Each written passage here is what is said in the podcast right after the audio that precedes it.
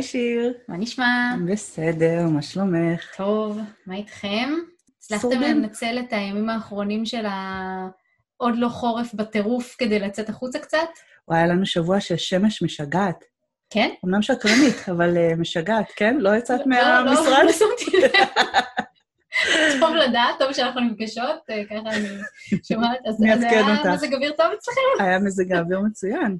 היה קר, אבל uh, הייתה שמש שאפשרה לפחות uh, לצאת, ל- ללכת, לנשום אוויר צח. מהמם. זה לא... איזה כיף. טוב, צריך לנצל כל רגע לפני שנהיה פה כן. כפורמים. כן. אז uh, היום אנחנו הולכות להגיש פרק uh, מאוד מיוחד, יוצא דופן, ולצורך כך אנחנו uh, מארחות את דבורי שדנובק. דבורי ובן זוגה הם חסידי גור מבני ברק, שבספטמבר 2019 עברו עם שלושת ילדיהם, קנו כרטיס טיסה לכיוון אחד לווייטנאם, וטסו לסיבוב מסביב לעולם, ללא יעדים אה, ברורים אה, וסופיים, ללא כרטיס חזור, לאיזשהו מסע מאוד מאוד יוצא דופן. והסיבה שאנחנו חושבות שזה כל כך רלוונטי אלינו, זה, אני חושבת שאנחנו מתמודדות עם כל כך הרבה דברים ברילוקיישן שהם נחשבים בינינו לקשים, ופתאום את שומעת את הסיפור הזה, ואת אומרת, מה? זה, זה ממש שטויות, זה ממש שטויות מה שאני צריכה להתמודד איתו. אז אה, היי דבורי, היי, האמת שמה שאמרתם, הקשיים ברילוקיישן, אני מסתכלת עליכם שאנשים אומרים לי, וואו, איזה אמיצה, איך עשית את זה? ואני אומרת, מה, מי שהולכת להתמודד באמת עם להעביר ילדים לבית ספר חדש ולהכיר ולהתאקלם במקום חדש, לדעתי זה הרבה יותר קשה ממה שאני עושה, שאני עוברת ממקום למקום. זה לא דורש התאקלמות במקום חדש בכל פעם? Uh, בבית כן, אבל אני בעצם, אני לא לומדת uh, להכיר עכשיו uh, רופאים, או להכיר uh, גנים ובתי ספר, וכל הדברים האלה שממש ממש מצריכים את ההסתגלות. זה הסתגלות קצרצרה למזג אוויר ולדירה לשבוע. זה לא נורא גם אם לא התרגלתי. כבר עברנו הלאה. כן. זה מדהים עכשיו, זה הכל אה, בעיני המתבונן, אה? אנחנו תמיד מסתכלים על האחר, ושכמה שהוא אמיץ וכמה שהיא מצליחה ואיך היא יכולה, ו- ו- ופחות מסתכלים על עצמנו, מהמם. כמה אנחנו עברנו. לגמרי. כן, הרבה בחורות שמטיילות לבד אומרות לי, וואו, איך את מטיילת עם ילדים, עם ארבע ילדים, מטייל ככה. אני אומרת, מה, אתן מטיילות לבד? איך עושים את זה? אני בחיים לא אעז לעשות דבר כזה. כל אחת, כל אחת מהמבט שלה. וואו. טוב, אז בואי נתחיל רגע מההתחלה.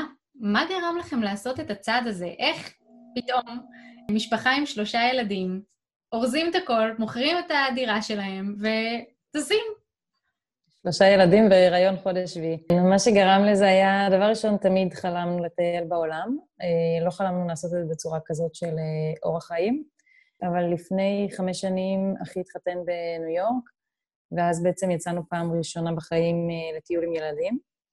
היינו איתם 30, אה, שלושה שבועות, 24-7, אה, ונהנינו, פשוט נהנינו מכל רגע. אמרתי, וואלה, זה, זה כיף, אני רוצה ככה, אבל זה לא היה חוכמה להתלהב מזה כשאנחנו בעצם ישנו במלונות ואכלנו במסעדות. אז uh, הדחקתי והמשכתי הלאה בחיים הרגילים, שכל אחד uh, הולך למסגרת שלו עד ארבע ומתראים בסך הכל שעתיים ביום. הבנתי שמשהו לא בסדר באורח חיים כזה, שאני בעצם, יש לי משפחה שאני לא רואה אותה, אבל אלה החיים, כולם חיים ככה, מה לעשות? שנה וחצי אחר כך יצאנו לטיול עם... Uh, עם תינוקת בת חצי שנה, אה, שזה כבר היה שלושה ילדים. יצאנו לטיול של אה, חודש, שאז בעצם זה לא היה מסעדות ולא היה מלונות. לקחנו דירות Airbnb, ניקינו, בישלנו, כיבסנו, טיפלנו בשלושה ילדים קטנים, טיילנו 12 שעות ביום, וזה היה הכי מושלם שיש. עבר החודש הזה ואמרנו, אנחנו לא, לא רוצים לחזור. וזה אפילו לא עלה יקר. אז אמרתי, אוקיי, אפשר לחיות ככה. ככה אני רוצה לחיות את החיים שלי 24-7, עם המשפחה שלי, עם כל היקרים לי. ו- ולטייל ולראות עולם ולעשות את זה בכיף. לקח לי אבל בכל זאת ארבע שנים לשכנע את בעלי שאנחנו יכולים לעשות את זה, כי הוא יותר אה, ריאלי ממני, ובכל זאת צריך כאן כסף, ואיך עושים את זה. וזהו, אחרי ארבע שנים, עם עוד כמה טיולים בדרך שבדקו את היכולות שלנו, כולל טיול בהודו, שבדק את האפשרות שלנו לחיות ולהסתדר בכל מצב, יצאנו. וואו, הודו זה הארדקור עם uh, שלושה כן. ילדים. כן, זה היה מבחן. תגידי, מאיפה הביטחון הזה שזה הולך לעבוד לכם? מבחינה כספית, מבחינת אה, איך להסתדר עם הילדים, איך, איך להעסיק אותם? אז אה, נכון, היו לכם כאלה פיילוטים, כמו שאת מתארת, קצרים, אבל עדיין, איך, איך, איך, מה גרם לך לחשוב שהדבר הזה הולך לעבוד? דבר ראשון, כן, הפיילוטים האלה של, של חודש. אז אני חושבת שחודש זה מספיק זמן בשביל לבחון דבר כזה. ודבר שני, אני אוהבת אתגרים. ברגע שאנחנו מכוונים מטרה לאתגר מסוים, אני רוצה לעשות את זה, ולא אכפת לי להתמודד עם כל מה שזה יביא איתו, אז ככה זה עובד. דווקא הרבה פעמים שואלים אותי, איך, איך את... איך זה שאנחנו ביום רגיל ככה, אין לנו כוח בסוף היום, או אנחנו חוזרות משבת אצל המשפחה, איך אנחנו פורקות מזוודות, אין לנו כוח, זה נדחה כמה ימים, איך את אחרי יום של 12 שעות נסיעה באה ופורקת ומבשלת והכול. אז דווקא בימים האלה שהם הכי הכי קשים, שזה, אוי, נסיעה במקום 9 שעות, ארכה 12 שעות, והיה יום כזה ממש ממש קשוח, אז אנחנו מקבלים את הכי כוחות שלנו, אני בכל אופן. אנחנו מאזנים אחד את השני כשצריך, אבל כן, אני, איפה שהכי הכי קשה, שם אני מתמלאת באנרגיה והכי מכוונת מטרה, והכי מצליחה להתגבר על עצמי, וכן, עכשיו אני פורקת ועכשיו אני עושה כאן שיהיה הכי הכי כיף. אם הגענו למקום כזה לא הכי, ואם... אז דווקא שם אני אצליח לתת את כל כולי.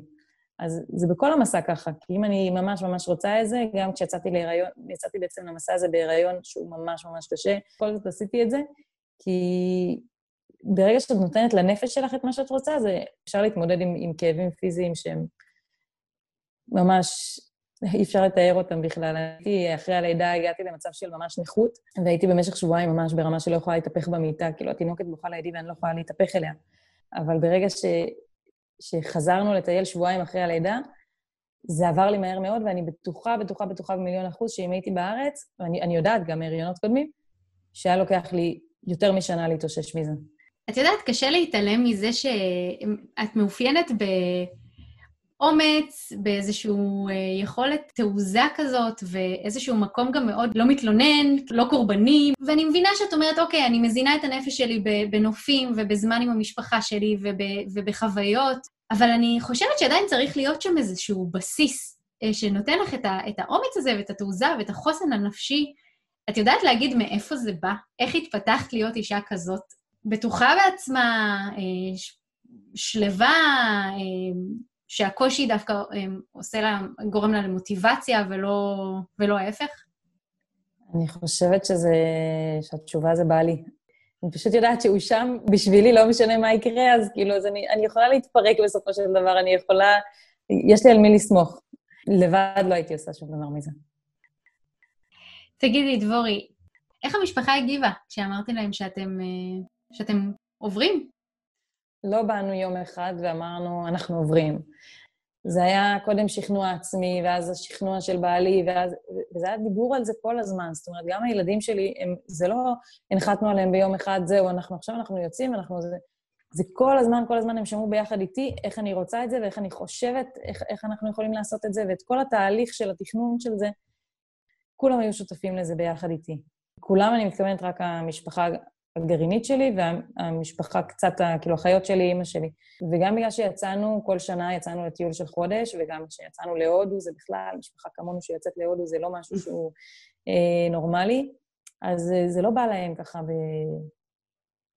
הם, הם לא קיבלו את זה בהלם, זה, זה היה טבעי להם שזה, שזה, שזה יום אחד יגיע, כי אני מדברת על זה כבר ארבע שנים, אז בסוף זה יקרה. ועדיין כשזה, כשבאתי ואמרתי להם, אה, אני מוכרת את הדירה, זה כזה, מוכרת את הדירה, אבל... אז כאילו, אז, אז, אז זה סופי, אז כאילו זה לכל החיים, את... אה, אז זה היה קצת הלם, אבל אה, הם ידעו שאין אה, עם מי לדבר בשביל לנסות לשכנע אותי אחרת. זה כבר... זה, זה תהליך, ו- ועכשיו זה קורה. תמכו בצעד הזה? הם חושבים שזה צעד מתאים? ההורים שלי, אבא שלי מאוד חרדתי. אז הוא נורא נורא דאג, כן, כזה, כאילו, מה, את משוגעת, ואיך הילדים יגדלו, ואיך אתם... אבל איך, איך, איך עושים את זה? מבחינתם הם, הם אנשים שלא יוצאים מהארץ לבד, לא בטיול מאורגן, אז איך עושים את זה?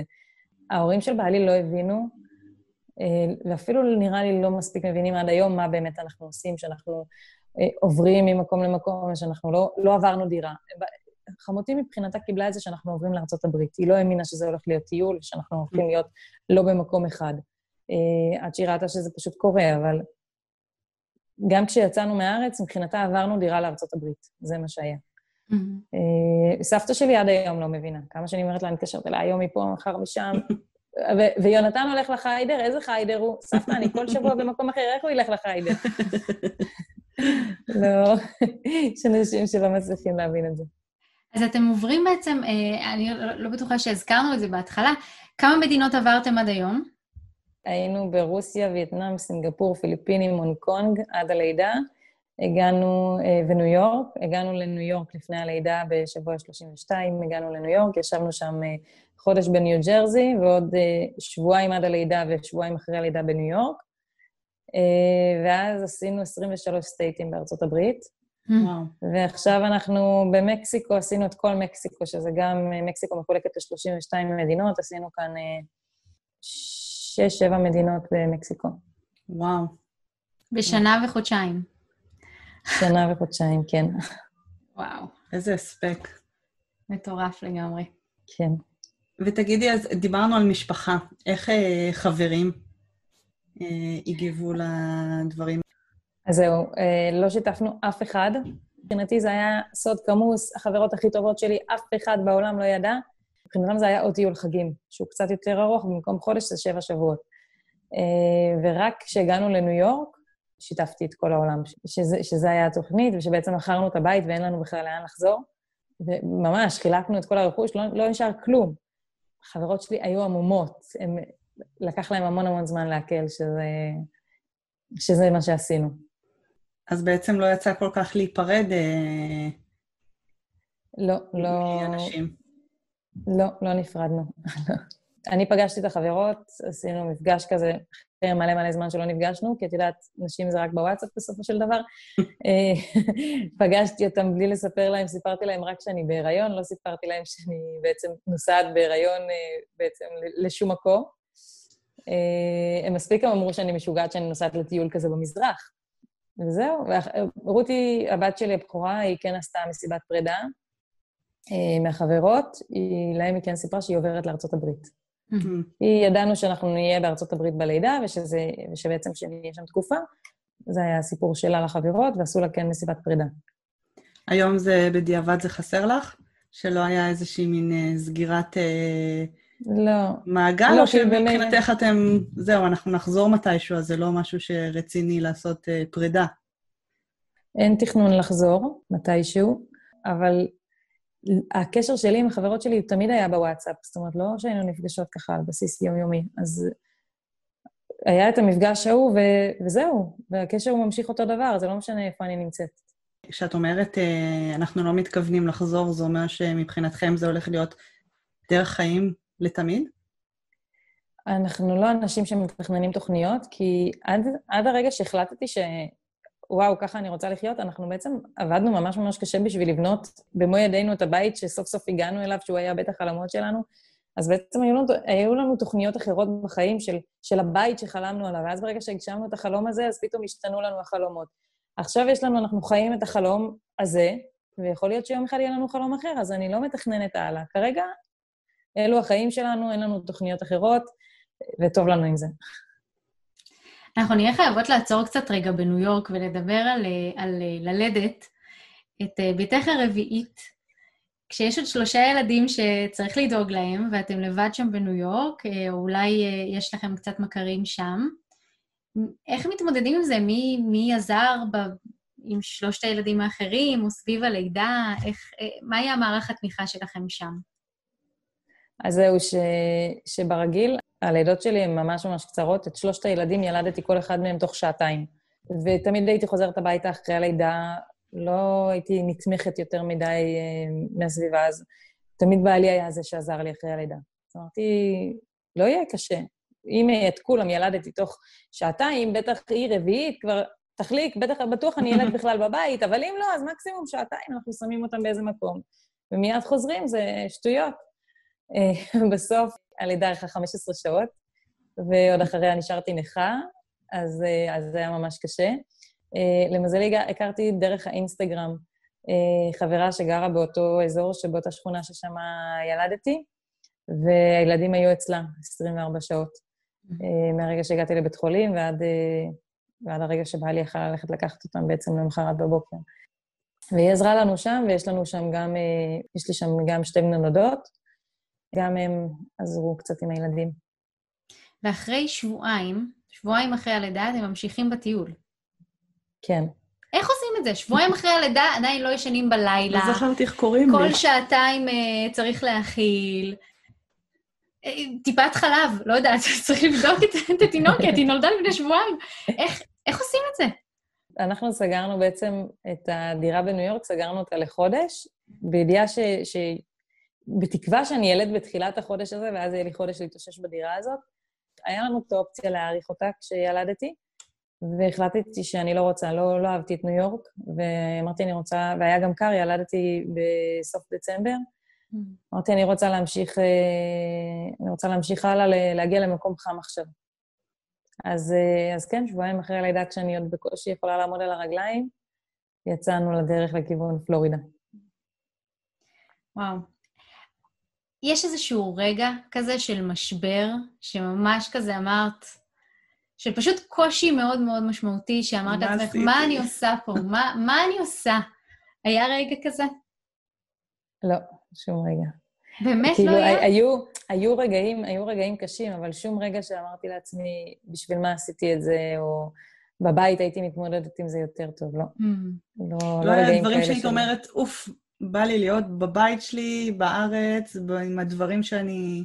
שלי, לא במקום אחר. להפך, דווקא, דווקא כל ההחלמה מהלידה, אני, אני לא אומרת להודות על זה, במיוחד עם הסיפור של הקורונה, שאני אומרת, וואו, אם הייתי עכשיו בארץ, כנראה שהייתי מאושפזת בבית חולים לחולי נפש, כנראה שהיינו מתגרשים, כנראה ש...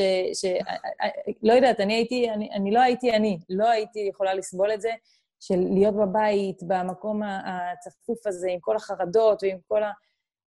לא, זה בלתי אפשרי. הנס שלי, ש, שבדיוק בקורונה, ש, ש, שאם כבר ללדת בתקופה כזאת, אז, אז להיות ככה בדרכים ובמקום חופשי ומשוחרר, ולא עם כל החרדות האלה ועם כל הלחצים ועם, ועם הסגרים, שהשם ישמור. ובכל זאת, יש איזשהו רגע קשה, אוקיי, לא התחרטת על זה שיצאת ושאלת מה אני עושה פה, אבל רגעים, היה איזה רגע כזה שאמר, פשוט של קושי מאוד מאוד גדול, שאת uh, ככה זוכרת אותו, במיוחד? אה, רגעים של קושי ממש. אני אוהבת את זה שאת עוצרת לחשוב, שזה לא כאילו ישר בשלוף. הבת הגדולה שלך, בת אה, כמה הבת הגדולה שלך? היא עוד מעט בת 12. בת 12. היא, אה, כן אה, חסר לה הקטע החברתי? זה חסר לה, אבל, אבל היא עדיין, בהתחלה, בחודשים הראשונים, בחודשיים, שלושה הראשונים, היא כל הזמן אמרה, אני לא יכולה, אני לא, אני רוצה לחזור לארץ, אני לא יכולה ככה, בלי החברות. עם הפערי שעות גם נורא נורא קשה לשמור על קשר עם הארץ. אה, אבל זהו, אחרי שעברו שלושה חודשים, אני רוצה גם וגם. אני רוצה גם שיהיה לי חברות, אבל אני רוצה גם להמשיך לטייל, אני לא רוצה לחזור לארץ. עכשיו זה רק, תביאו לי לכאן את החברה האחת שלי ואני בסדר, אני, אני לא צריכה עוד. אבל היא יוצרת המון המון קשרים עם, כל המ... עם אנשים במקומות שאנחנו מגיעים, והיא מאוד מאוד יצירתית, שהיא יודעת להעסיק את עצמה ו... ולעשות הרבה דברים מאוד מאוד יפים. ב... כדאי לכם להיכנס עכשיו לערוץ שלה ביוטיוב, היא עשתה שם סרטון מדהים, של המון המון מקסיקנים שמאחלים חנוכה שמח. קוראים לערוץ של האוניברסיטה של רותי, והיא עושה הרבה הרבה סרטונים יפים, אבל עכשיו יש שם משהו חדש ממש מדליק. אה, והיא כותבת על, ה, על הטיול שלנו מהעיניים שלה, שאני מפרסמת את זה גם כן בסטורי ובסטטוס. בקיצור, היא מאוד מאוד יצירתית והיא מעסיקה את עצמה, ככה שהיום זה כבר הרבה פחות חסר לה. בואי באמת נדבר רגע על ילדים, אה, על מסגרת, על חינוך. אה, אתם, אתם בעצם עושים איזשהו אה, פורמט של חינוך ביתי, איך זה משתלב עם הטיול, עם התנועה ממקום למקום? בעיקר אה, הם לומדים הרבה מהטיול, מהמעבר ממקום למקום ומכל המקומות שאנחנו מסתובבים.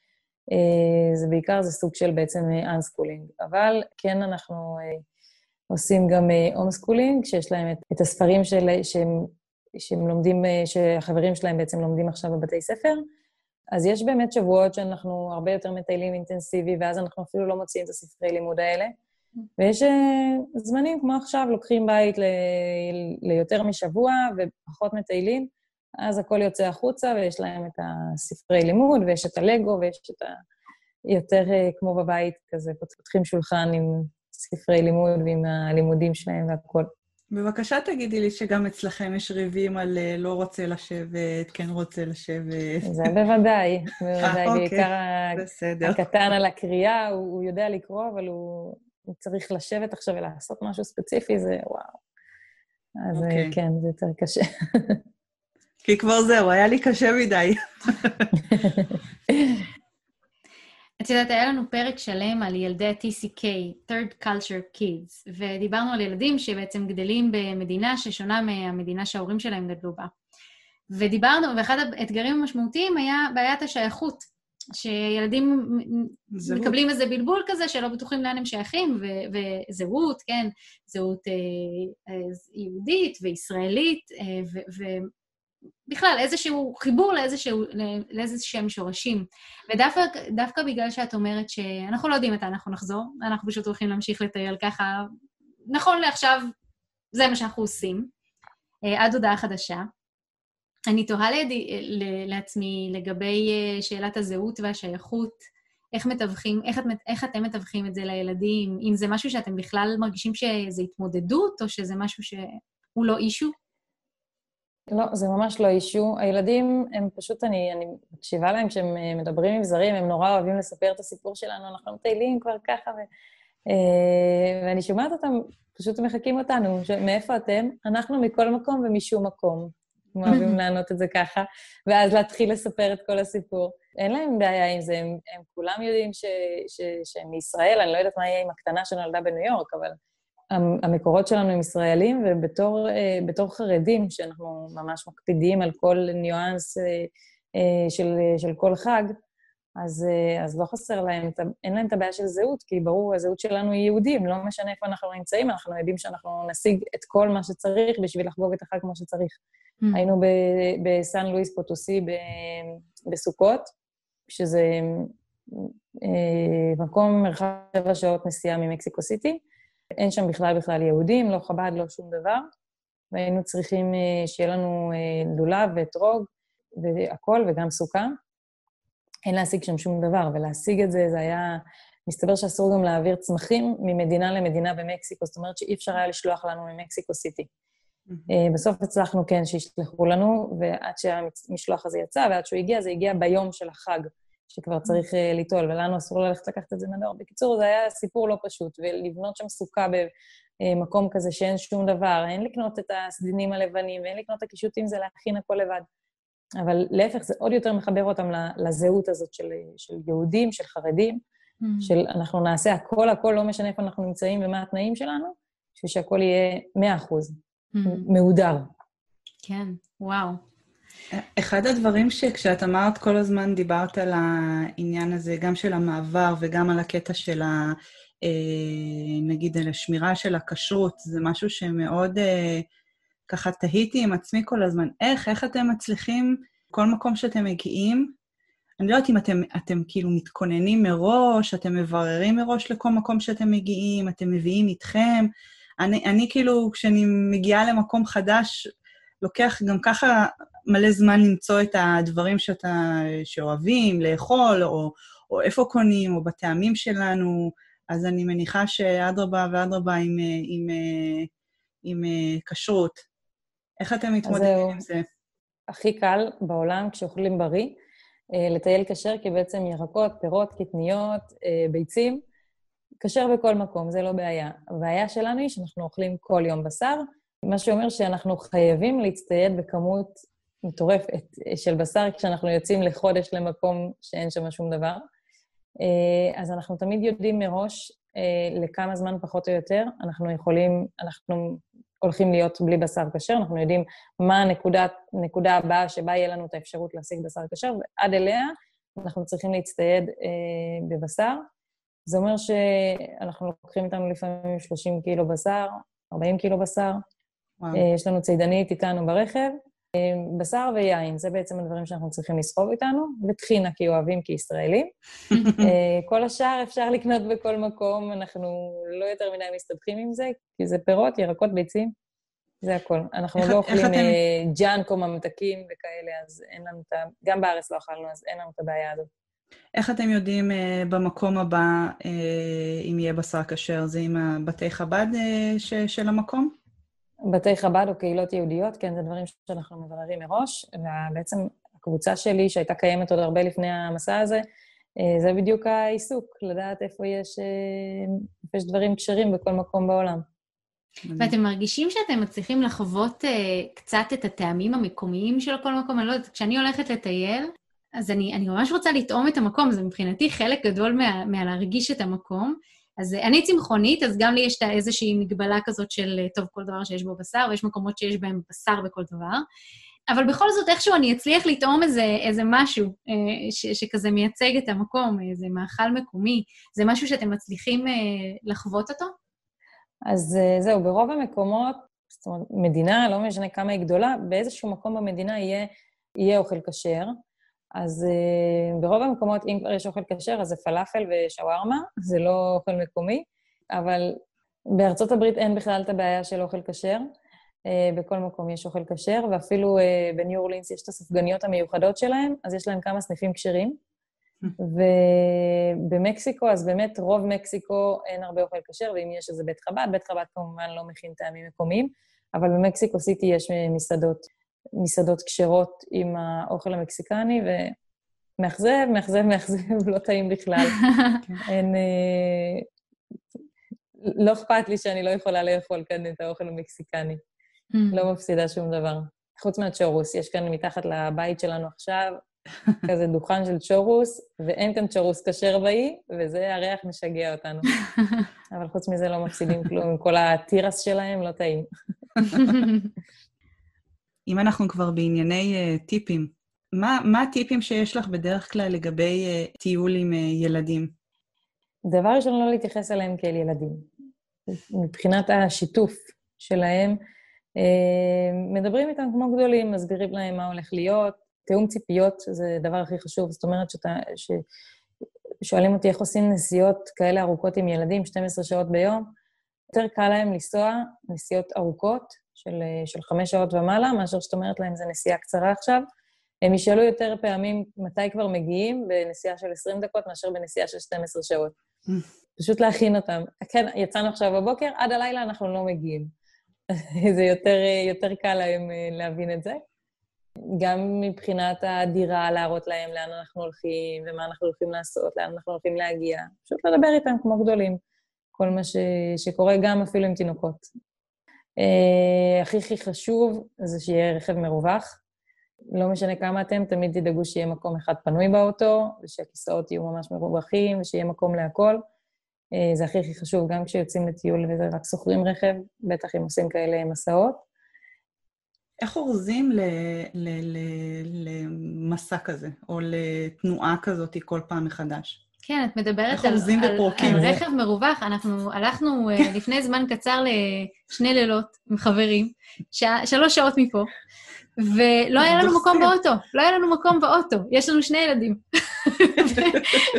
הם ישבו, וכל הציוד היה עליהם, וזה, וזה רכב גדול. איך? איך, איך, איך? אז זה משהו שהוא מדהים, כי ברגע ש, שהחלטנו שאנחנו יוצאים למסע הזה, בעצם את מדפדפת בעיתונים, כשישבנו בישראל וידענו שאנחנו הולכים על זה, אפילו עוד לא מכרנו את הבית ועוד לא התחלנו לחלק את הרכוש ולא שום דבר, אנחנו יושבים בבית ואנחנו לא צריכים כלום, אנחנו לא צריכים כלום. ברגע שאנחנו יודעים שאנחנו נוסעים, התחלנו את המסע שלנו במזרח. במזרח, ועשינו 13 טיסות בשבע שבועות. וזה טיסות, אה, טיסות פנים שמותר לך מזוודה הכי קטנה, גודל ממש הכי הכי קטן שיש, אה, ועד שבע קילו. אנחנו ידענו שאנחנו לא הולכים להוסיף כסף בכל הטיסות האלה, כי זה מאוד מאוד ייקר את הטיול, אז אנחנו חייבים להסתדר עם חמש מזוודות טרולי, מזוודה לכל אחד, בשבע קילו, זה הכל.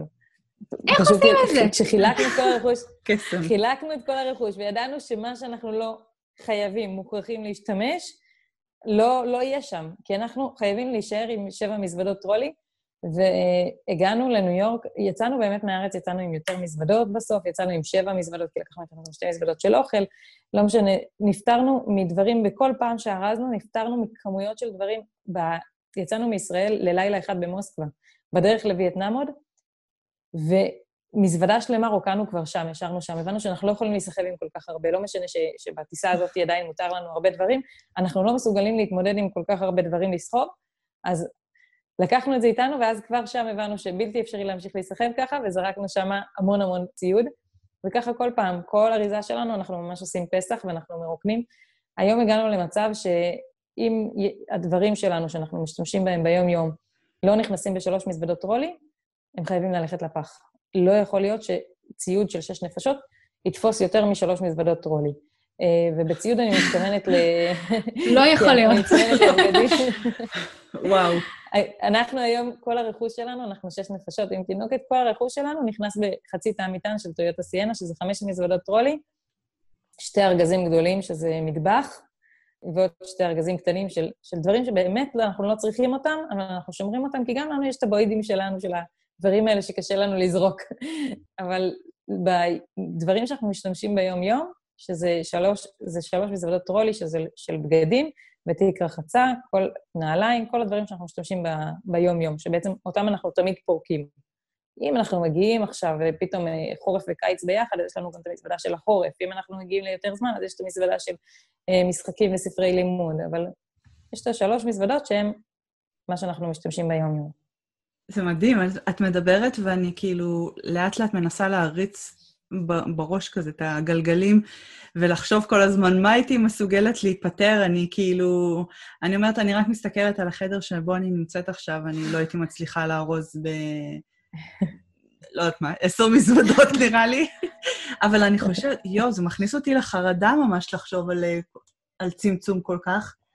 אז בואי אני אספר לך שאני הייתי אגרנית, מה זה אגרנית? סופר אגרנית, ברמה שעד אותו רגע שרוקנתי את הבית, היה לי בבית ארון שלם שם, שהיה שמור בו כל פיסת נייר שאי פעם קשקשתי עליה. ממש, ברמה של אה, כל מכתב שהתכתבתי עם איזושהי חברה בבית ספר, מעולם, מאז שהתחתנתי, לא פתחתי את המכתבים האלה, ולא הייתי מסוגלת, כל שנה בפסח לא הייתי מסוגלת לזרוק אותם. ואז זרקתי, פשוט בלי אפילו להסתכל על זה. זה היה שמור שם בקופסאות כל החיים, כל הזיכרונות, כל המבחנים שעשיתי בחיים שלי, כל קשקוש שרק רשמתי, כל רשימת מכולת, הכל היה שמור. וצדפים שאספתי, ואבנים, ומה שאת רוצה, הכל הכל היה שם בארון הזה, תפסת לי מקום, ארון בבית, וזרקתי בלי, בלי אפילו לפתוח ולהסתכל על זה. שום דבר לא שמרתם בארץ? רק אלבומים. וואו. האלבומים האלה זה עשר אה, ארגזים, שלא תטעו. כן. אני צלמת, והיה לילדים שלי, הקפדתי להדפיס את כל התמונות, אז אה, כן, זה עשר ארגזים של אלבומים. טוב. ובכל זאת, אין איזשהו אה, חפץ, חפצים שחסרים לכם, שאת אומרת, אוי, איפה... שום דבר. הפותחן של הזה, שלא... לא יודעת, משהו כזה, שאת אומרת, זה בדיוק מה שאני צריכה עכשיו ואין לי. הפותחן שימורים האלה. זהו, אז את מתרגלת, אה, את מתרגלת לחיות בלי. זה דבר שאנחנו בדירות ב-Airbnb. אז יש קצת כלים שאנחנו יכולים להכשיר. אבל פותחן למשל, כן, בדיוק הפותחן הזה, ברוב הדירות אין, בעלי פשוט למד לפתוח שימורים עם סכין. אנחנו, אנחנו יודעים היום לאלתר ולהשתמש בהמון המון דברים, באמת שלא חסר לנו כלום. אנחנו, אם אין תנור, אז עופים חלה בסיר, ואם, ואין מיקסר, אז למדתי ללוש בידיים. אני חשבתי שזה משהו שזה, שאני לא אהיה מסוגלת לעשות, אבל, אבל זה אפילו לא קשה. מגרדים ירקות ומגרדת ידנית, הכל לא צריך שום דבר, מקציפים ידני, הכל uh, כמו וואו. פעם. וואו, לא, זה בלתי נתפס. כן, בלתי לא, נתפס. זה... כן. זה לא שבארץ אנחנו היינו מהאנשים המינימליסטים, אנחנו היינו מהאנשים ש... הבית שלנו היה הכי מבוזר והכי מודרני, כאילו, עם כל הלוקסוס אה, האפשרי. כשעברנו, אה, בסך הכל לפני חמש שנים עברנו לבית החדש, קניתי את כל המוצרי חשמל החדשים, כי אני חייבת שהכל יהיה תואם אחד לשני ושהכל יהיה הכי הכי. ואז פתאום את מבינה ש... ש... ש... שזה לא מה שיגרום לחושר. עדיף בלי כל זה. מה גורם לחושר? זה מה שאנחנו עושים עכשיו, כמה שיותר אתגרים, כמה שיותר התמודדויות, ו- וכמה שיותר להיות ביחד ולראות עולם. הביחד והלראות עולם. זה, זה האושר. בעיקר לראות את העולם דרך העיניים של הילדים, שזה, שזה הכי מדהים. לראות את, את הבת שלך רואה פעם ראשונה ציפור, פעם ראשונה כלב, לראות את הילדים הגדולים יותר מבינים דברים חדשים, זה, זה הכי. אני ממש סקרנית לי, לשמוע עוד, אה, עוד איזה כמה שנים טובות, ככה את הילדים שלך אה, מספרים את, ה, את כל החוויות האלה. איך הם... כן, גם, גם אני, במיוחד את הקטנה שנולדה בדרך, נורא נורא נורא סקרנית לדעת איך היא תגדל. אה, מנהלים איזשהו אה, יומן, או משהו שמעבר לסרטונים או דברים האלה? אה, הקטנים הם קטנים מדי, והגדולה זה רק הפרקים האלה שהיא כותבת, היא רק עכשיו התחילה עם זה. עכשיו חוזרת בפרק 11 אולי, אז זה עוד חדש. הפרקים האלה שהיא כותבת בשבילי לסטורי, וזה בעצם, היא לוקחת רק איזה אנקדוטה אחת מכל שבוע וכותבת על זה, היא לא כותבת על כל מה שקורה. אני כן כותבת את הבלוג ומשתדלת שיהיה רשום שם כל מה שעשינו, אבל הם uh, פחות. אני חייבת להגיד ש... אה, אוקיי, אז את צלמת, ו- וזה, והתמונות שלך מאוד מאוד מקצועיות ויפות ומושקעות, ואני שואלת את עצמי, מתי את מספיקה לצלם תמונות כל כך מוצלחות? כי אני מבינה, אוקיי, את צלמת, את יודעת איך לעשות את זה מהר, אבל, אבל עדיין, יש ארבעה ילדים פה. אז, אה, אז את מפנה לעצמך זמן לצילום? לא, זהו, זה, זה נורא קשה, כי אני, אני נסחבת עם מצלמה מקצועית. השבוע פתחתי אותה אחרי חודשים שלו. אה, אני פשוט מצלמת באייפון, ואז זה כזה ככה, בשליפה כזה תוך כדי, ואני, ואני כל הזמן כשאני רואה תמונות של, של אנשים שבאמת, אה, אה, של, של צלמים שהיו במקומות האלה, אז אני תמיד כזה, יש לי צביטה כזאת, אני לא מוציאה את התמונות האלה, אבל, אבל באמת אי אפשר להוציא אותן כשאת עם ארבע ילדים, ואת ככה, עם, עם הילדה על הידיים עושה ככה תמונה. זה לא, זה לא אותו דבר. עושה את המקסימום שאפשר. טוב, זה לא מורגש, זה נראה לגמרי כמו תמונות uh, שצולמו במצלמה, אבל uh, אולי יש, אני מניחה שיש גם וגם, כי בכל זאת המצלמה איתכם. כן, אני משתדלת, אבל uh, לא, מאז שיש לי אייפון בכלל, לא פותחת אותה לנופים. אבל הנה, קניתי רחפן, הגעתי לכאן לקוזומל במיוחד לפני שאני עושה את כל האזור כאן, כי הרחפן הגיע לפה, ו... ואנחנו כאן כבר שבועיים ועוד לא פתחתי אותו אפילו. הרחפן, באיזה אחת משלוש הטרולים כן, הוא נכנס? בדיוק חשבתי. זה מעניין אותי. כמה קילו. בתיק של העגלה. אנחנו מדברות הרבה בפודקאסט על זה שאחד מהדברים שמאוד עוזרים ברילוקיישן זה קהילה ישראלית במקום, במדינת היעד, ו... אבל העניין הוא שגם את זה לוקח זמן לבנות. זאת אומרת, גם uh, כשאת מגיעה למקום עם קהילה ישראלית גדולה, לוקח זמן לבנות קשרים. אני יכולה להגיד באופן אישי שעצם העובדה שהגעתי למקום עם קהילה ישראלית מאוד מפותחת ואנשים נהדרים, זה מאוד עזר לי והקל עליי, ו- וידעתי שאם קורה משהו, אז יש לי למי להרים טלפון שנייה, מישהו שיהיה גיבוי, מישהו שיעזור במשהו שצריך, ואני תוהה לעצמי איך אתם עושים את זה בלי קהילה כזאת קבועה. גם, אפילו שיש קהילות ישראליות ויהודיות אה, ברחבי, ברחבי העולם, עדיין זה, זה קהילות, קהילות מתחלפות כאלה. איך, אה, איך, איך זה עובד מהבחינה הזאת? אה, זהו, מתרגלים לדעת שאין את זה, שאתה לבד בעולם. כאילו, זה לבד וביחד, כי אנחנו, אנחנו זוג ואנחנו עם משפחה והכול. אבל כן, אם חס וחלילה, אנחנו מגיעים להמון המון מקומות נידחים שאין לנו שם אף אחד שאנחנו יכולים לסמוך עליו, ואני יודעת שאם חס וחלילה עכשיו נצטרך בית חולים, אנחנו צריכים ללכת כולנו ביחד. זאת אומרת, שש נפשות הולכים ביחד, לא משנה מי הבן אדם שצריך את זה.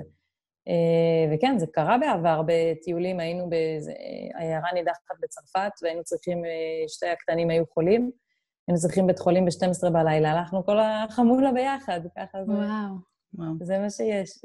ועכשיו בקורונה, זה בכלל יותר אה, מלחיץ, לא? אנחנו הפסקנו להילחץ מדברים כאלה, אנחנו, ברוך השם, כבר הרבה יותר משנה מטיילים, וטפו טפו, ועין הרע לא היה צריך שום דבר. אם נצטרך, אז אה, הכל משמיים.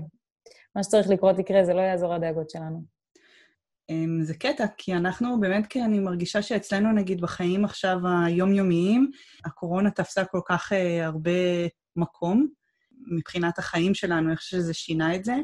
ואני חייבת להגיד שאני ממש מקנאה ביכולת שלכם פשוט להסתובב ועדיין לעשות את הדברים, כאילו זה עוד לא, לא משפיע עליכם באותה מידה. זה באמת לא משפיע עלינו, כי, כי רוב הקורונה היא בתקשורת. וברגע שאתה, שאתה חי, שאתה לא חי במקום אחד ספציפי ואתה לא, אנחנו לא קוראים חדשות, לא שומעים חדשות, לא רואים חדשות חוץ ממה שאת יודעת, שולחים לי בוואטסאפ או מעלים לי בפייסבוק, אנחנו לא יודעים, אנחנו, אם לא היינו רואים מסכות ברחוב, לא היינו יודעים בכלל ש, שקורה משהו. תגידי, דבורי, אה, אנחנו, אנחנו מדברות הרבה בפודקאסט שלנו על well-being, על איך להפוך את החיים שלנו לטובים יותר, ויש משהו מאוד משמעותי שאת עושה, וזה המסע הזה שגורם לך אה, וממלא אותך מבפנים, אבל בכל זאת יש איזה שהם הרגלים כאלה של well-being שגורמים לך ל... ל, ל ככה להיות, אה, להרגיש טוב עם עצמך כל יום, איזה שהם הרגלים כאלה ששומרים אותך כזאת חזקה ואופטימית ונכונה לאתגרים? דבר ראשון, אנחנו לא מוותרים על זמן זוגי, שזה הכי חשוב במסע כזה, זה נורא קל ללכת לאיבוד, כי בעצם אנחנו, אנחנו כל היום ביחד, אה, אז כאילו, אז מה צריך גם זמן זוגי עכשיו? אנחנו נוסעים 12 שעות ביחד, מה זמן זוגי? אבל חייבים את השעה הזאת בשקט בערב, בלי ילדים ברקע, בלי נהיגה ברקע, בלי דברים כאלה, אפילו רק לשבת ולראות סרט, למרות שזה לא שיחה אחד עם השני, שיהיה את השקט הזה. ואני חושבת שהשבת מאוד מאוד שומרת עלינו. בעצם אין את כל ההסחות דעת, אין שום דבר, ובאמת, יש לך ככה 24 שעות, 25 שעות שאת ממלאה את המצברים, גם עם הילדים, גם עם הבעל. יש שקט מכל הרעש שמסביב, ומכל הרדיפה הזאת של בוא נצא, נספיק עוד משהו, נראה עוד משהו, mm. נעבוד עוד קצת. תמיד, גם, גם במסע כזה, זה תמיד, זה באיזשהו מקום עדיין אה, עדיין מרוץ. כן. אז בתור זוג חרדי אה, שגר בבני ברק ועושה באמת את המהלך המאוד נועז הזה, יש עוד איזה שהם אה, מאפיינים אה, ככה יוצאי דופן ושבירת מוסכמות ש... שאתם, שאתם עושים, שעשיתם? לא, זה, זה מה שהכי הדהים את כל הסובבים אותנו, שאנחנו אנחנו היינו ואנחנו עדיין הכי, אנשים הכי נורמליים. אה, חוץ מזה שכן, שיצאנו גם קודם לטיולים האלה ושנסענו להודו, שזה דברים שאנשים לא עושים. אבל אה, חוץ מזה, אני, אני גם, גם כטיפוס, אני, אני אחת שמאוד מאוד מפחדת משינויים ומאוד uh, עושה הכל לפי הספר בטבע שלי. והדבר הזה, זה רק מוכיח כמה כשלבן אדם יש איזשהו ייעוד בעולם, ומשהו שצריך לקרות, זה יקרה, כי אני הכי ההפך מהדבר הזה. כל מה שאני עושה, זה ההפך ממה שהיה אמור לקרות, כאילו, ממה שמתאים לאופי שלי. אני mm. התגברתי, כאילו, אני הפכתי, ממש הפכתי את אורי בשביל להיות מסוגלת לעשות דבר כזה. זה הכי מנוגד לאופי שלי, כל מה שאני עושה. גם ה... אנחנו היינו אנשים שלא יוצאים בחיים, לא הולכים לישון אצל ההורים בשבת, כי, כי אנחנו צריכים את המיטה שלנו, את הבית שלנו, שאנחנו אוהבים את המקום שלנו, את הבית שלנו, לא עזבנו, לא יצאנו אף פעם מהבית. אז פתאום ללכת ולגור כל שבוע במקום אחר, ו, ולבעלי שיש לו כל יומיים מיטה אחרת, אה, זה הכי מנוגד לאופי שלנו. אבל כשמשהו צריך לקרות, וכשמשהו ממש הוא בוער בך, והוא לא סתם בוער בך, כי זה הייעוד שלך כנראה, אז זה יקרה, לא יעזור כלום. אז בואי נדבר רגע באמת על, אה, על מה אתם עושים תוך כדי, כדי להתפרנס. איך, איך מממנים דבר כזה? איך מממנים מסע כזה? שאני מתפלאת שלא שאלנו את זה על ההתחלה, כי זו השאלה כן. הראשונה שכולם ישר בטח אה, שואלים אתכם. זהו, בעלי רצה קודם להשיג אה, באמת הכנסה פסיבית. שאני שונאת את המושג הזה, כי אין דבר כזה. אה, הכנסה פסיבית, אני אשב, אני לא אעשה כלום וייכנס לי כסף. זה לא, אין דבר כזה. אז זה היה הארבע שנים האלה שהייתי צריכה לחכות עד שהוא ישתכנע בסוף לצאת בלי ההכנסה הפסיבית הזאת, ובלי ש, שאנחנו רואים בעצם שיש לנו כסף בחשבון כל חודש שיממן את הדבר הזה. אז דבר ראשון, הוא בדק באמת כמה עולה מחיה בכל העולם ברמה שאנחנו צריכים, ואחרי שהוא ידע כמה, אז אמרנו, אוקיי, עכשיו איך? והוא ניסה להשקיע בנדל"ן, וניסינו כל מיני דברים, ושום דבר לא הלך, להפך, רק הפסדים. אה, ואמרתי לו, ומה אם אף פעם זה לא יקרה? ומי מבטיח לך שאם אנחנו נישאר בארץ, אנחנו לא נאבד יום אחד את הכול? דברים קורים. לשבת ולחכות עכשיו ש, שזה יקרה, זה... ואם זה לא יקרה אף פעם, אז מה, אז אנחנו אף פעם לא נעשה את זה? אנחנו נצא, ואם נקבע לנו סכום מסוים בתחילת שנה, הוא יגיע אלינו, לא משנה אם אנחנו בישראל או אם אנחנו במקסיקו, הפרנסה שלנו, היא נכתבת לנו בראש השנה, כמה ייכנס לנו, אנחנו את ההשתדלות שלנו עושים, אנחנו נעשה אותה גם עם מקסיקו, אנחנו נעשה אותה בכל מקום שאנחנו נהיה. אז יש לי את האתר שלי ויש לי את הקהילת עוקבים המאוד מאוד גדולה. יצאנו על בסיס זה, וגם השקענו את הכסף של, של הבית שמכרנו, השקענו בנדל"ן. אה, ולמרות שלא זה ולא זה עשה כסף כשיצאנו, האמנו שזה יקרה תוך כדי. אה, וזה באמת, זה קורה תוך כדי. הקהל שלי, הקהילה שלי, היום אה, סוף סוף זה מכניס לנו כסף. זה עוד לא 100% של, של כמה שאנחנו מוציאים, אבל היה לנו גם חסכונות כמובן. אנחנו מאמינים, מחכים שבחודשים הקרובים זה יגיע ל-100% ויותר, שנוכל גם לשים קצת כסף בצד. וואו. אמן. טוב, תשמעי, את, אה, זה נשמע שאת, אה, באמת, כל דבר שעומד בדרך, את פשוט ככה, בעדינות כזה, מזיזה אותו ולא לא מתרגשת. ואני חייבת לשאול אותך, מה מפחיד אותך? וואה, אני פחדנית גדולה. אה, מה מפחיד אותי? מפחיד אותי שיקרה משהו לאנשים שקרובים אליי. אני חרדתית, אני ממש חרדתית לילדים שלי, ברמה כזאת שנורא נורא קשה לי לשחרר אותם שהם יהיו בטווח הראייה שלי. אה, זה חלק מהדבר הזה שבגללו רציתי להיות איתם 24-7, שאני לא צריך לדאוג מה קורה איתם בגן, מה קורה איתם בדרך לבית ספר. זו עבודה עוד יותר קשה לשחרר אותם במסע כזה, כי, זה, כי חייבים לשחרר אותם, ובעצם את נמצאת במקומות שאת לא מכירה, את לא יודעת. את, זה, זה, איך את יכולה לשחרר במקום שאת לא מכירה? במקסיקו נגיד. כן. אז uh, זו עבודה ממש ממש קשה, שאנחנו מגיעים לכל מיני אה, משפחות שרק עכשיו אנחנו מכירים, אני צריכה לשחרר שהם לא יהיו בטווח ראייה שלי, גם כשאנחנו יושבים עכשיו בסלון, ולהתחיל אה, לסמוך על אנשים חדשים. חלק, חלק מהאתגר. חתיכת אתגר. חוויתם איזושהי חוויה שהייתה אה, מפחידה במהלך המסע הזה? Uh, זהו, הפחדים הם רק בראש שלנו, כי לפני, ש... לפני שהגענו למקסיקו, בעצם רצינו להגיע למקסיקו כבר חצי שנה לפני שהגענו אליה. היינו בטקסס, והתלבטנו אם להמשיך בארצות הברית או לרדת ישר למקסיקו. ופגשנו איזה בן אדם ישראלי שהפחיד אותנו ברמה ש... הוא, הוא אמר לנו את זה חד משמעית, ברגע שאתם עוברים את הגבול, אתם תישארו בלי כלום. בלי הילדים, בלי הרכב, בלי הרכוש שלכם, במד... ב... בנס אולי תישארו בחיים. זה מה שיקרה במאה אחוז. לא, לא יכול להיות סיטואציה אחרת. אנחנו אמרנו, לא יכול להיות, אנשים אה, עושים את הדרך הזאת, אנשים מטיילים. ובכל זאת הוא כל כך הפחיד אותנו, שלקח לנו חצי שנה להחליט שאנחנו בכל זאת עושים את זה, ובהתחלה ממש ממש ממש פחדנו. ו- ואנחנו נכנסים, ואנחנו רועדים מפחד, אבל אנחנו פה, ואנחנו, כמובן שהתייעצנו ובדקנו ו- וידענו שזה לא, שזה לא באמת מפחיד, רק בגלל זה עשינו את זה, כי אנחנו לא ניקח שום סיכון לסכן עכשיו את המשפחה שלנו. ובכל זאת נכנסנו, והיה קשה להוציא את הדברים שלו מהראש. ואנחנו, ואנחנו נוסעים, ואנחנו מפחדים, ואנחנו מסתכלים, אנחנו שומרים על הילדים, אנחנו מחזיקים אותם חזק לידינו, שחס וחלילה לא יחטפו לנו אותם. ואנחנו חודש וחודשיים ושלוש במקסיקו, ואנחנו אומרים, איפה הדברים האלו שהוא דיבר עליהם? ואנחנו לא... מה קורה פה? ועוד לחשוב שחס וחלילה היינו מוותרים על כל החוויה הזאת, שמקסיקו היא מטורפת, היא מדהימה, כשמטיילים בכל המקומות הפחות מתוירים שלה, אז בכלל, להפסיד את כל הדבר הזה בגלל איזו המצאה של מישהו, אז כן, אה, הזהירו אותנו גם האנשים שאמרו לנו שמקסיקו היא לא מסוכנת, אמרו לנו, אבל, אה, אבל בכל זאת תיזהרו לא לנסוע בלילה, תיזהרו לא לנסוע בדרכים שהן לא אה, אה, כבישי אגרה, ויצא לנו בכל זאת לנסוע גם בלילה וגם בכבישים שהם לא כבישי אגרה, והרגשנו מאוד מאוד בטוחים בכל רגע, ותמיד הפחד הוא רק בראש, רק בגלל שאני יודע שאמרו לי שככה וכאן צריך להיזהר, אבל כשאת מסתכלת סביבך, באמת שאין שום סכנה. Mm. אנחנו לא, לא נתקלנו בזה בשום מקום. איזה, איזה יעד מכל היעדים שאתם הייתם אה, הכי זכור לך לטובה? אני כל מקום אני אוהבת, זה כמו לשאול איזה ילד את הכי אוהבת, אני כל מקום אני יותר מדי אוהבת. הפיליפינים, מהמם, מהמם, מהמם. ויטנאם ממש כיף, אנשים ממש נחמדים.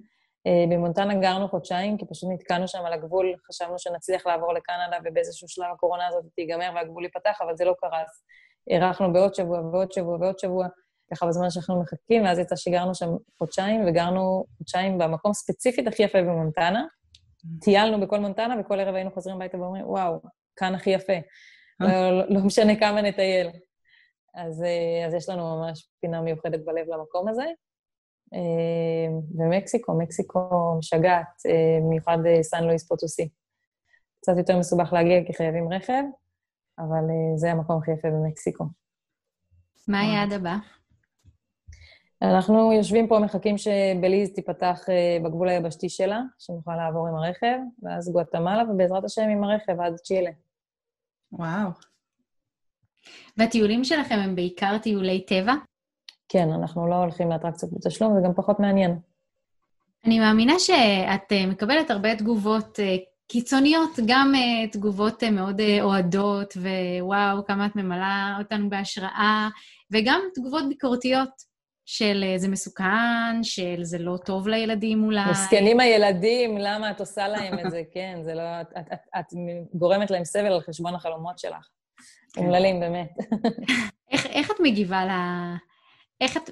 קודם כל, זה, זה, אני אחלק את השאלה לשניים. Uh, קודם כל, מה זה גורם לך להרגיש? כאילו, מה זה, מה זה גורם לך, איזה מחשבות זה מעורר אצלך? Uh, והשאלה השנייה היא איך את מגיבה למבקרים. Uh, אז התגובות, ה... התגובות הרעות האלה, הן בדרך כלל מגיעות בפייסבוק מאנשים שהם לא מכירים אותנו. Uh, הרבה מאלה ש, שהגיבו לי בצורות, בצורה כזאת לא יפה, uh, ובכל זאת באו לעקוב אחריי, כי זה סקרן אותם.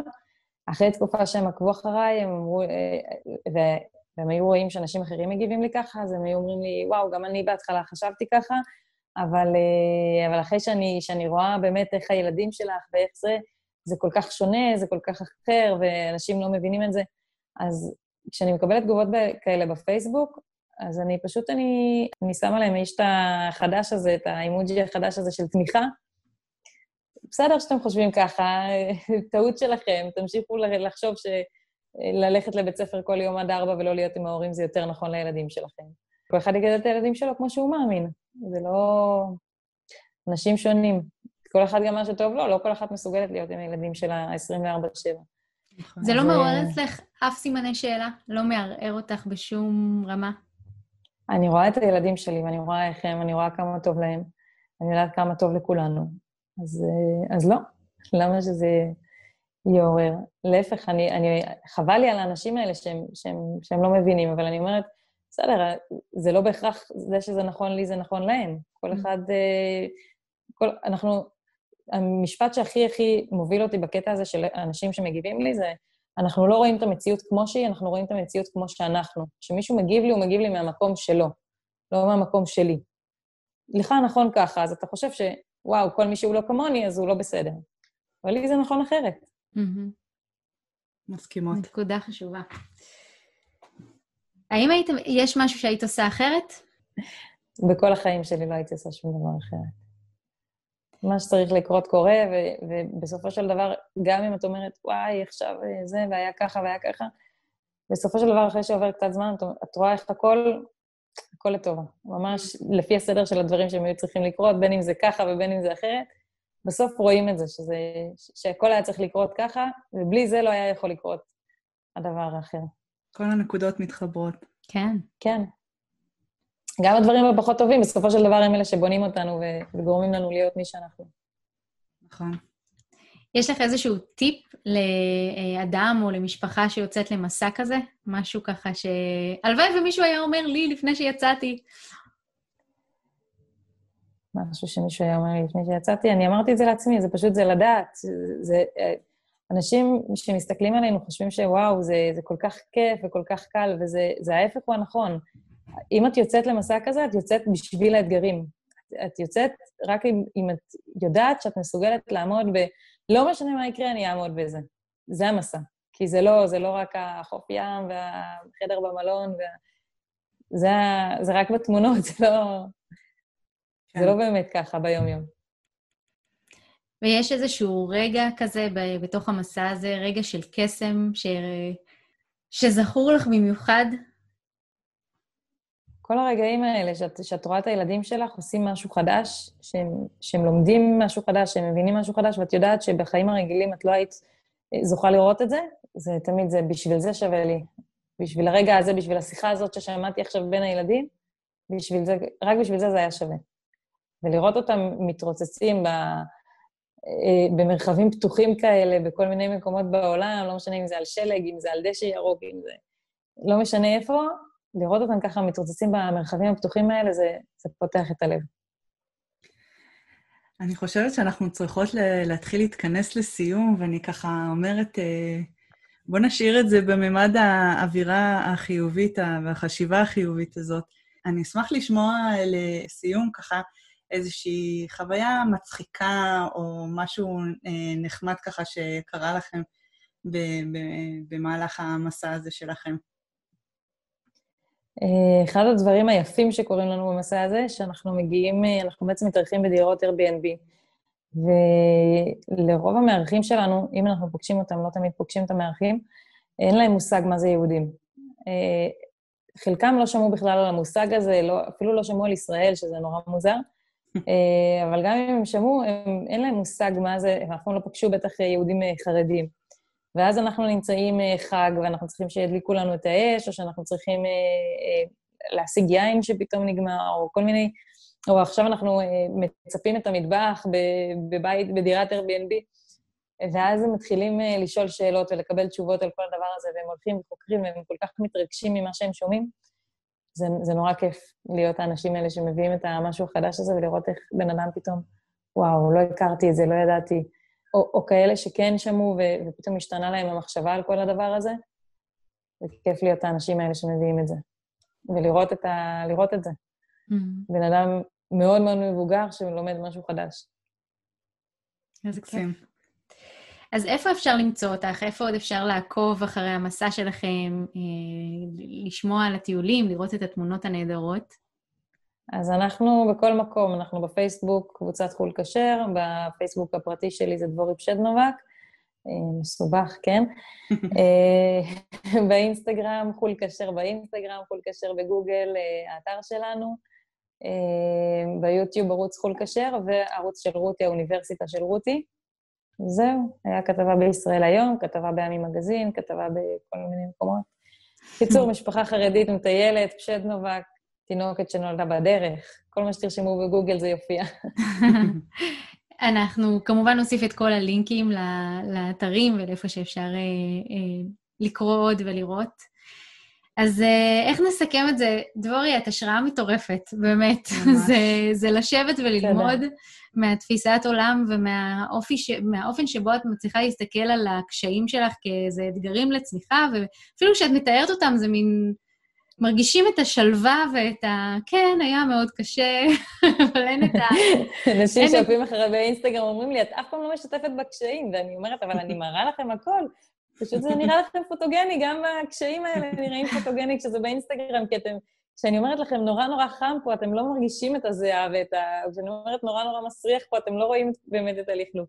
וכשאני מסריטה לכם מקרוב את המקקים שהולכים לנו בחדר עכשיו, אז זה, אתם רואים את זה במסך, זה לא באמת ככה מפחיד אתכם כמו שזה אצלנו. אבל יש את כל הקשיים, אני מראה אותם באינסטגרם, אה, כן, את הכול. כן. וואו, טוב, היה לנו ממש תענוג אה, לשמוע ממך, ורשימת השאלות היא בלתי נגמרת, אנחנו כן. לא יכולות להמשיך פה לנצח. אה, אז תודה על השיתוף הזה, ועל ה...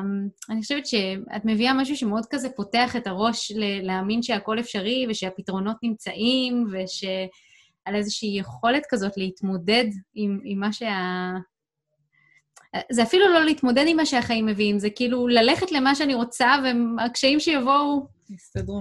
כן, זה, זה מדהים. אז המון תודה על השיתוף הזה, היה לנו תענוג. תודה לכם על הבמה. תודה רבה. ואנחנו נתראה בפרק הבא. ביי ביי. ביי, להתראות. ביי.